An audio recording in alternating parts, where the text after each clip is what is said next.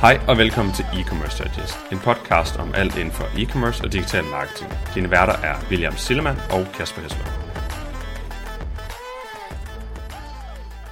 Hej William. Hej Kasper. I dag der skal vi snakke lidt omkring dynamisk prissætning, og vi har Nikolaj med fra PriceShape for at få snakket endnu mere i dybden omkring det her. Og Nikolaj, kan du ikke lige, inden vi, øh, vi hopper ind i, i price shape toolet og, og høre mere om, hvad, øh, hvad, hvad det egentlig kan, og hvordan det kan hjælpe øh, webshops med, øh, med, med hele det her øh, prisunivers. Kan du så ikke fortælle lidt om, øh, hvem du er? Det er to. Jeg hedder Nikolaj, som sagt, og øh, jeg er CEO i price shape. Øh, har været ude ved, ved PriceShape nu næsten to år. Øh, vi er jo på en, en, en ret vild rejse øh, for at blive et, et, et tool, som, som er bredt ud over hele Europa og hele verden. Øhm, øh, og har for de sidste fire år nu landet øh, i 19 forskellige lande. Øh, faktisk lige øh, kommet ind i Chile her øh, sidste dag. Øh, ret vildt. Øh, men, øh, men der er vi sådan set kommet ud nu, så det vil sige, at vi er i 19 lande, og på den side har vi på den gode side 300 kunder. Øh, og så når vi så er i 19 lande, jamen, så sætter vi også priser i mere end øh, 47 lande i hele verden. Og det er jo ret sejt, når man går bare over og tænker, at nu sætter vi altså sådan en pris i, i alle de andre lande. Øhm, så, så PriceShip som helhed er det her prismonitoreringsværktøj, øh, som både kan lave dynamisk prissætning, øh, avanceret prisstyring. Øhm, og i den forstand, der har jeg haft øh, hatten omkring det her med at prøve at se, om vi kan skabe en masse god værdi ved alle vores forskellige kunder. Så jeg har haft ansvaret for hele vores kundeportfølje og bygget det her team omkring øh, kundestyring i PriceShip. Så, så det har egentlig været min rolle i, øh, i den her øh, helt crazy rejse, vi er på. Fedt. Og hvis du sådan lige skal prøve at putte lidt ord på, hvad, hvad PriceShip er og hvad det kan, selvfølgelig tror jeg, at de fleste kender jer for den her dynamiske prissætning, og vi sad også lige snakket lidt kort om det inden det her med, at det er meget mere end bare dynamisk prissætning, og man kan bruge det på rigtig mange måder. Så kan du ikke prøve at dykke lidt ned i, i dybden omkring det? Jo, jo, jeg tror det der er vigtigt at forstå her, det er, at, at når vi snakker dynamisk pris, uanset om det er PriceShip eller et hvert andet værktøj, man vælger at gøre det her med, så er det lige så meget et, øh, et valg i en retning omkring, hvad det er for en forretningsmodel, jeg prøver at arbejde ud fra. Øhm, og sige, jamen nu vil jeg gerne bare have dynamisk prissætning. Det svarer lidt til, at man går ud og siger, jeg vil gerne købe en, en t-shirt, og så siger man, pisse fedt, den vil jeg gerne have på, lad os bare købe den videre. Men, men, men det fungerer bare ikke rigtigt på samme måde. Fordi når først du går ind i det her, så er det også en måde at sige, hvad for en prioritet er det, jeg prøver at ligge i det her med at arbejde med dynamisk prissætning. Øh, man kommer typisk fra en verden, hvis der man ikke har arbejdet med det før, som hedder, jeg vil gerne øh, købe en vare øh, fra en leverandør, og når jeg så sætter prisen, jamen, så laver jeg en faktaberegning på min kostpris, for så sikre, at jeg får den pris, som jeg ved, jeg kan tjene penge hjem på igen. Og det er en helt måde at arbejde med en forretning på, som bliver radikalt ændret, når man begynder at kigge ind i dynamisk prissætning. Så, så, så selve den her aspekt af at arbejde med, hvad dynamisk priser det er, det er én ting. Men i PriceShip, der bygger vi også oven på det. Og jeg tror, en af de ting, som, øh, som verden lige nu skriger efter, efter de her øh, ret crazy år, vi har igennem, øh, hvor vi startede ud i, i, i 2020 med noget coronaværk, som bare fik øh, e-commerce til at eksplodere. Øhm, og så i noget øh, 21, hvor folk virkelig savnede at komme ned i fysiske butikker igen, når man kunne se, at der skete et, et markant dyk i den online presence. Og så i 2022, hvor der var øh, krig i gud og mange forskellige steder henad. jamen så er vi begyndt at kigge ind i en verden, hvor at man, man skal tage en stilling til, hvad der faktisk man gerne vil gøre med sine priser og sin prissætning. Øhm, og der tror jeg for alt i verden, at vi begynder at se et, et billede af, at dynamiske priser ikke bare er, jeg vil gerne være billigere end den billigste konkurrent i markedet, jeg vil gerne være hver dag. Det bliver i allerhøjere grad et, et billede af, jamen, hvordan sikrer jeg min, min performance på min data? Hvordan sikrer jeg, at min performance data rent faktisk lever op til det, jeg gerne vil i forhold til markedet? Og hvis vi skal være sådan helt krækilt omkring det her med at sige, hvad, hvad jeg tror, at dynamisk prissætning, at det price, jeg kan komme ind med i løbet af 23, det er blandt andet der med at sige, at jeg vil gerne kigge på, hvad min, min performance er på mine, mine produkter, hvordan sker det i markedet.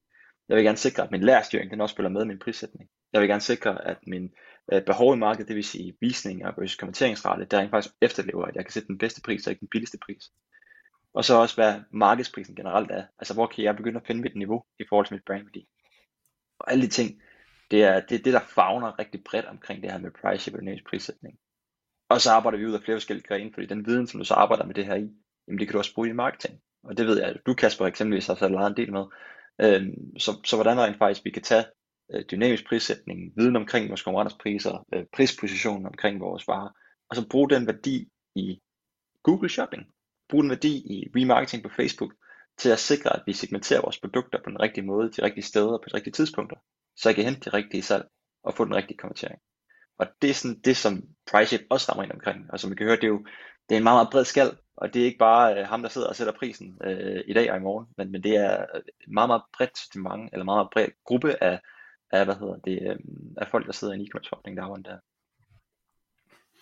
Og jeg tror også, øh, sidste gang vi, vi har snakket omkring det hvor vi også optog noget, det var way back, jeg tror næsten lidt år siden efterhånden, hvor vi måske har snakket om det tidligere, der gik vi også lidt i dybden omkring det her med, hvad det kan i forhold til internt i organisationen omkring det her med, med indkøbspriser for eksempel, at hvis det er, at du tracker den her del, så kan du også se historisk tilbage, om du rent faktisk har fået billigere priser hos dine øh, forhandler, eller hvor du, hvor du køber ind leverandør til, til dig selv og så videre, så det er også en mulighed for, hvordan en indkøbsafdeling for eksempel kan arbejde med det og kigge ind i, og måske presse en, en forhandler eller en leverandør lidt mere i forhold til at få nogle bedre priser, som så kan give, at man kan nogle andre ting. Også. Absolut. Altså, det er jo, der er ingen tvivl om, at hvis du sidder og sælger, øh, hvad skal vi tage som eksempel, øh, Nike-sko eksempelvis, og du så bare tager øh, og filtrerer ned på, på branded Nike, på sko, løbesko, og så finder frem til, at du kan sidde og se, at mine tre største konkurrenter, de kan sælge øh, 50 af de samme produkter, som jeg har, til 35% billigere, end jeg kan. Når du så ved det, at du kan se præcis, hvad det er for nogle sko, og du kan se, hvis du gik samme vej ned i din kostpris, jamen så vil du lige pludselig miste din profit, og så vil du ikke have penge til hverken af markedsføring eller til øh, generelle lønninger. Og så kan du tage den viden, lave den liste, eksportere den og sende direkte til din leverandør og sige, prøv at kære venner, jeg er den største aftager af jeres produkter. Hvordan i verden kan det være, at mine tre største kunder, de kan have det så meget billigere, end jeg kan?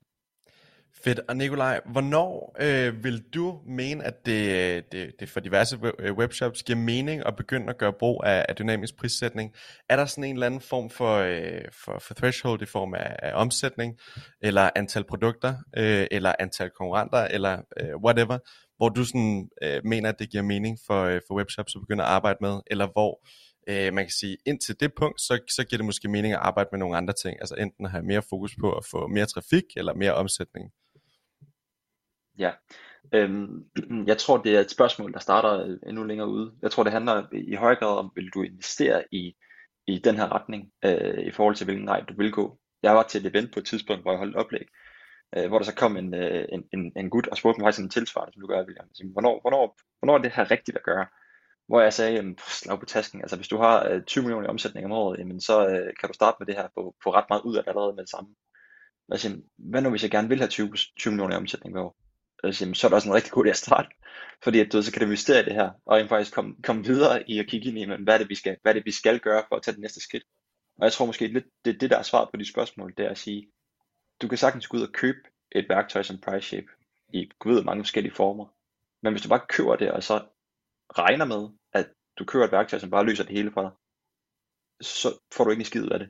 Øh, det er det samme som hvis du siger, jeg vil gerne lave øh, digital markedsføring men du ikke lægger nogen øh, kræfter i arbejde med digital markedsføring. Så bruger du bare nogle penge, som du siger, jeg skal lave nogle øh, boost på Facebook, jeg skal køre nogle kampagner på Google Ads, men i øvrigt, så håber jeg lidt, det løser sig selv. Øh, det, det, det, det kommer heller aldrig nogensinde til at give succes. Så jeg tror, svaret på dit spørgsmål ligger måske i, jamen det her det er, det er relevant for dig, hvis du ønsker at prioritere og gå den her retning. Og sikre, at du begynder at notche og prøve at forstå på dine konkurrenters dynamikker, der rent faktisk gør ved dine priser og at du prøver at arbejde med, hvad for en performance dine produkter de har, så du ved, at de produkter, som er mine, hvad kan man sige, traffic creators, eller mine øh, high margin, high conversion produkter, dem kan jeg bruge til den her mængde, så jeg kan faktisk begynde at lave en prissætning baseret på det. Eller jeg kan bruge den her viden til at sende nyhedsbrev, for de produkter, jeg ved, hvis jeg smider det med hovedet af min, min forbrugere, jamen så vil de også komme til. Så det er sådan set lidt ligegyldigt, om du har øh, 300 millioner omsætning om året, eller om du har øh, 5 millioner omsætning om året. Hvis du vælger at prioritere tiden af det her, så kan du også skabe succes med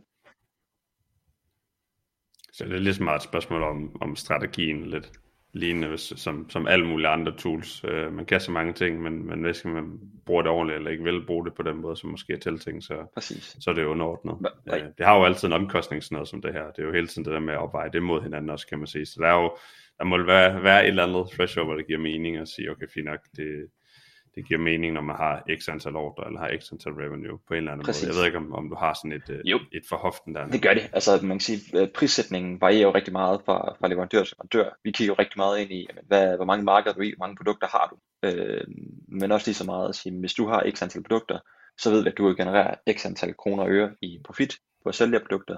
Hvis vi så kan hjælpe dig med at hæve, lad os bare sige 20% af dine priser, øh, eller 20% af dine produkters priser, jamen så vil det have lige så meget effekt af, af den omkostning, vi har.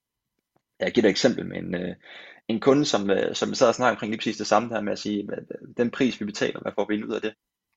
Og så lavede jeg en hurtig øh, sammenregning og kunne se, at på tværs af alle deres forskellige markeder, der har vi den sidste måned sat 475.000 priser på deres produkter. Og hvis vi tager en, øh, en hoved, regning på, men hvor, hvor lang tid tager det faktisk at sætte en pris på et produkt individuelt, uden noget tool, så er det nok taget omkring 3,5 minutter, fordi det vil tage et halvt minut at sætte prisen, og 3 minutter at finde ud af, hvad prisen skulle være. Og så prøv at gange det op med 475.000 gange, så kunne jeg skrive til ham, jamen så har jeg faktisk sparet dig for 26.500 timer den sidste måned. Og hvis du så bare trækker 160 timer fra, for jeg måske har en, der skal sidde og styre det her i måned, men så har jeg stadigvæk sparet dig for rigtig mange penge. Øhm, så, så det er virkelig, virkelig varieret i forhold til at sige, hvor meget du gerne vil arbejde med det her, og det kommer også super meget an på, hvor meget du gerne vil investere i det selvfølgelig. Giver sindssygt god mening. Hvis man så øh, som virksomhed gerne vil, vil implementere det her, øh, hvor svært er det så? Er det bare sådan direkte API-kald, hvis du har en Shopify eller noget andet, hvis du har Magento WordPress og så videre? Altså, er, er det svært, er det nemt, og afhængig af hvilket CMS-system eventuelt? Ja, altså man kan sige, den tekniske del er faktisk relativt plug and play, øh, crazy nok. Vi, øh, vi sidder og kigger ind i, øh, i konkurrencesphere, hvor at, at der er er mange, som sidder og siger, uha, så skal vi lige ind og lave en masse forskellige parametre og skift, og vi skal gøre det ene og det andet, og komme med nogle forskellige budskaber på, hvordan det rigtigt skal sættes op. Der er vores platform reelt set ret øh, standardiseret, når man stand, når vi snakker teknik. Det vil sige, at fra at vi har en kunde, der leverer et data datafeed til os, til at vi reelt set siger, nu har du en konto, som, som begynder at generere den værdi, som vi gerne vil have, der går der maks 3 dage. Øhm, og det er den teknikken. Og der hvor så kommer efterfølgende, det er når vi skal have menneskerne med ombord der er en, en øh, hvad kan man sige, implementeringsproces, som typisk tager, øh, i hvert fald i et adaption, plejer jeg at kalde det, øh, mellem to til tre uger. Og så på baggrund af det, så er der selvfølgelig et, øh, et budskab omkring, at vil jeg gerne smide det her op på min hjemmeside, så leverer vi reelt set et, øh, et API, altså et link, som kunden så griber og smider ind i deres enten Magento eller PrestaShop eller Umbraco, eller hvor man synes, det, her, det, det passer ind. Shopify-kunder for at tage det som eksempel, jamen øh, der har vi reelt set en, øh, en ret easy fix, der har vi et, et, et, øh, et direkte connection op mod Shopify, som, som bare kommer direkte ud af Shopify. Øhm, Magento er væsentligt mere customiseret. så der er det super, super svært at lave en, der er plug and play til samtlige Magento-brugere. Cool. Og Nikolaj, når man har fået implementeret price shape, man er begyndt at bruge øh, både den her dynamiske øh, prissætning og så videre, så ved jeg også, at jeg har en feature, hvor man kan skyde ind i, i Google Shopping, og det nævnte du øh, en lille smule om tidligere. Øhm, og det her med, at man kan skyde ind i, i Google Shopping, og så kan man faktisk begynde for det pro- øh, lave et produktsegment med de produkter, hvor man ved, man er billigere end ens konkurrenter, og så begynde at byde mere aggressivt på de her produkter, fordi man antager, at lad os sige, konverteringsraten er, er højere for de her produkter. Hvor længe vil du anbefale, at man giver det, før man går ind og vurderer, hvorvidt det her det har været en succes eller en fiasko, og hvilke metrics vil du bruge til at, at måle det her på? Ja, øhm, jeg vil sige, Google er jo som Google er, øh, og øh, alle, der har arbejdet med Google, ved også, at hvis jeg går ind og laver en ændring i dag, jamen så kommer der ikke til at være et, et kickback i morgen. Det er en algoritme, der først skal læses, accepteres og forstås, før der sker en, en, en hvad kan man sige, øget værdiændring. Men helt rigtigt. Så jeg plejer at skabe værdi dag til dag, ja, det er når, jeg, når jeg ligesom implementerer noget på ja, det er klart. Det er, du siger til kunden, at vi laver et budget, og så ruller vi den ud, og så yes. kører den derfra. Ikke? Yes. Ja. Så spiller det bare for day yes. one. Ej, det er fedt. Kasper, hvad skal du i morgen? Jeg har brug for noget hjælp. Øh, nej, prøv at, det som der, der typisk sker, det er, at, at hvis vi laver et, øh, et feed, vi laver et supplerende feed, som ligger op, vi begynder at segmentere på baggrund af de her forskellige øh, hvad kan man sige, segmenter i forbindelse med ens prispositioner. Der er sågar også nogen, der går ind og kombinerer deres øh, kost, altså deres, deres konkrete profit, og siger, jeg vil gerne kombinere en, en, der, hvor jeg er super konkurrencedygtig, op imod der, hvor jeg har en, øh, en, en margin, der er på den gode side, lad os sige 40%. Hvis du tager det med ind i Google, og begynder at arbejde med de her forskellige ting, jamen så vil jeg antage, at du inden for en uge til to uger, kan begynde at se, at der sker et, øh, et spænd. Altså typisk så ser man jo, at når du laver en ændring, så går du måske fra at have en, en, en pæn roer, så kommer der et dyk, øh, på en par dage, og så begynder det stille og roligt at stige igen, for nu begynder vi at se, at der sker noget ændring i din, din hvad kan man sige, budstrategier og dine placeringer på Google. Øhm, og der er ingen tvivl om, at den, det KPI, som, som de fleste de begynder at måle på her, det er altså den ROAS, som du får, når du først og fremmest lægger penge til rigtige steder på dine produkter, og potentielt set ekskluderer produkter. Når man kan sige, øh, hvis vi nu skulle tage et eksempel, som, øh, som bare tager Mento, øh, stor butik, der har rigtig mange forskellige produkter inde i spil, og sige, jamen okay, der ville det betyde sindssygt meget, kan jeg forestille mig, hvis man et eller andet sted fik ekskluderet de produkter, hvor det ville være, være rigtig, rigtig svært at sælge. og så har jeg faktisk brugt pengene der, hvor man virkelig, virkelig kunne sælge meget. For det vil bare rykke budgettet enormt meget. Man kan se, at ens indtjening vil stige markant på de produkter, hvor du kan få penge ind. Så, øhm, så jeg vil nok give det øh, mellem øh, 1 til 2 uger, før du sådan for alvor kan begynde at se, at nu sker der en ændring i min, i min opsætning. Cool.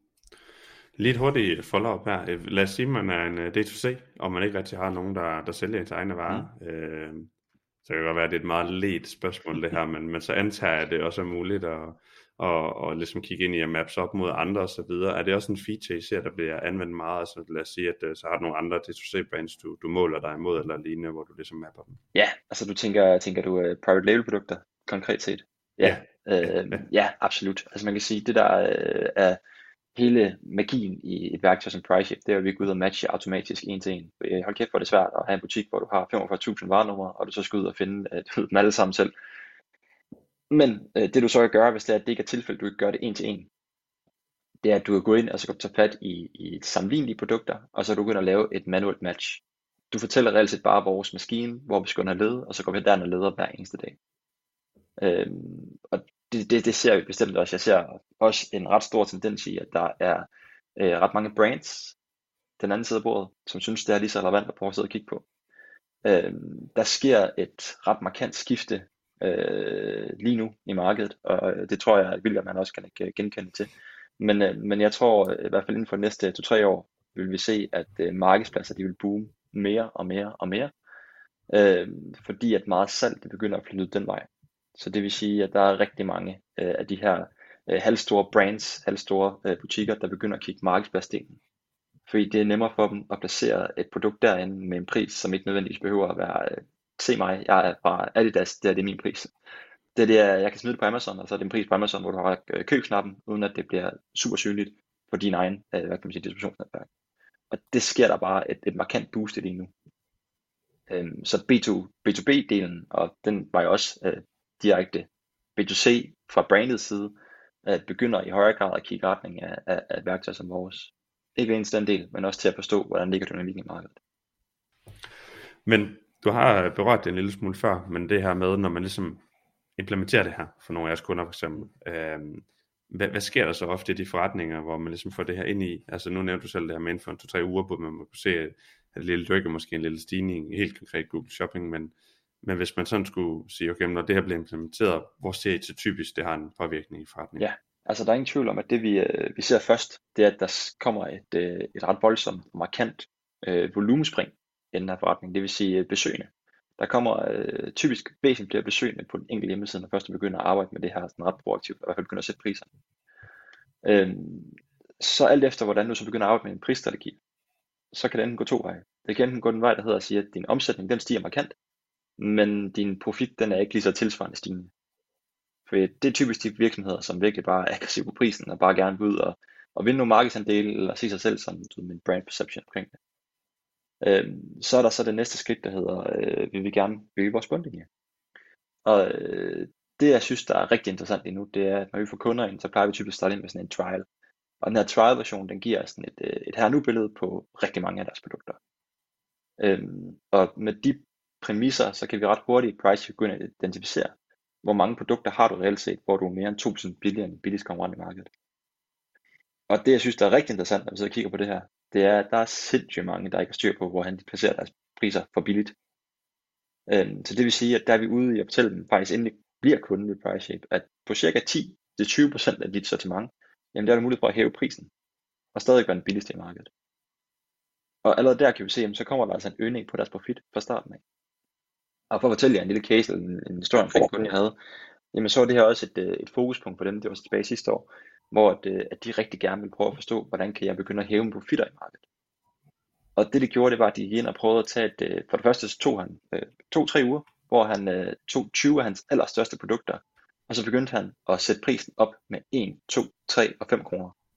For at se, jamen, hvad gjorde mine største konkurrenter? Fyldte de med? Det der viser sig, det var, at det gjorde de faktisk de her, på de her 20 produkter. Der fulgte de med op i pris, når først han satte prisen op efter. Og så bagefter, så gik han i dybden, og så derfra sagde, okay, det var 20 produkter. Nu kører vi alle vores A-produkter på. I det her tilfælde var der 2.500 produkter. Så med en strategi, hvor han sagde, jamen her vil jeg gerne matche den næst billigste i markedet. Så i stedet for at ramme den billigste, så havde jeg jo den næst billigste, og det samme skete sammen med konkurrenter, de følte jo bare med stille og roligt op. i den måned, hvor han gjorde det, der oplevede han, at hans indeks på en profit hed 140.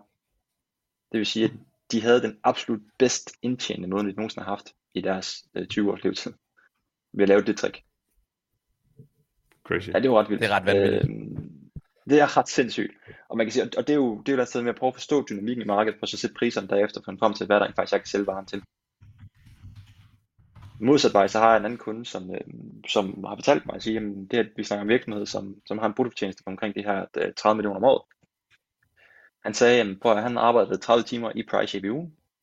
Hen over en periode, øh, der hed juni, juli, august. Der har det været du ved, hardcore full Han havde godt noget ferie øh, en uge, hvor han arbejdede væk i to uger. Men det er tre uger, eller tre måneder alene, der var arbejdet med Price gjort, at de med al havde tjent 600.000 mere på bunden, end de ville have gjort. Og det er på bunden, altså det er noget, alle er trykket fra, nede på bunden. Så der er nogle helt konkrete håndtag, du kan gribe ved her. Og så ser vi også nogle steder, hvor det første, der sker, det er, at så har du øh, eksempelvis øh, to gange månedlig omsætning, der, der kommer igennem, fordi du begynder at kunne sælge mere. Og det kan du godt være, hvis du sælger et større parti, og der er flere besøgende. Men hvis ikke profitten hænger med, så er det jo også en ond spiral. Ikke? Det er vildt. Det er en, øh, det er en mega fed approach, og, et super godt uh, øh, konkret tip at, at, slutte af på her. Uh, Nikolaj, tusind tak, fordi uh, du var med i, i den her episode, og, og gav os et indblik i, hvordan man kan arbejde med, uh, med sine priser på en uh, ja, uh, strategisk god måde, også for, både for, for højere omsætning, men også for, for, uh, for bedre profit. Selvfølgelig. Tak for at med. Tak fordi du lyttede med til dagens episode. Vi håber, du kunne bruge nogle af dagens takeaways. Som altid sætter vi stor pris på en ærlig rating på diverse streamingtjenester. Og du er altid velkommen til at skrive til os, hvis der er nogle emner, vi skal komme omkring, eller gæster, du synes, vi skal invitere med i studiet.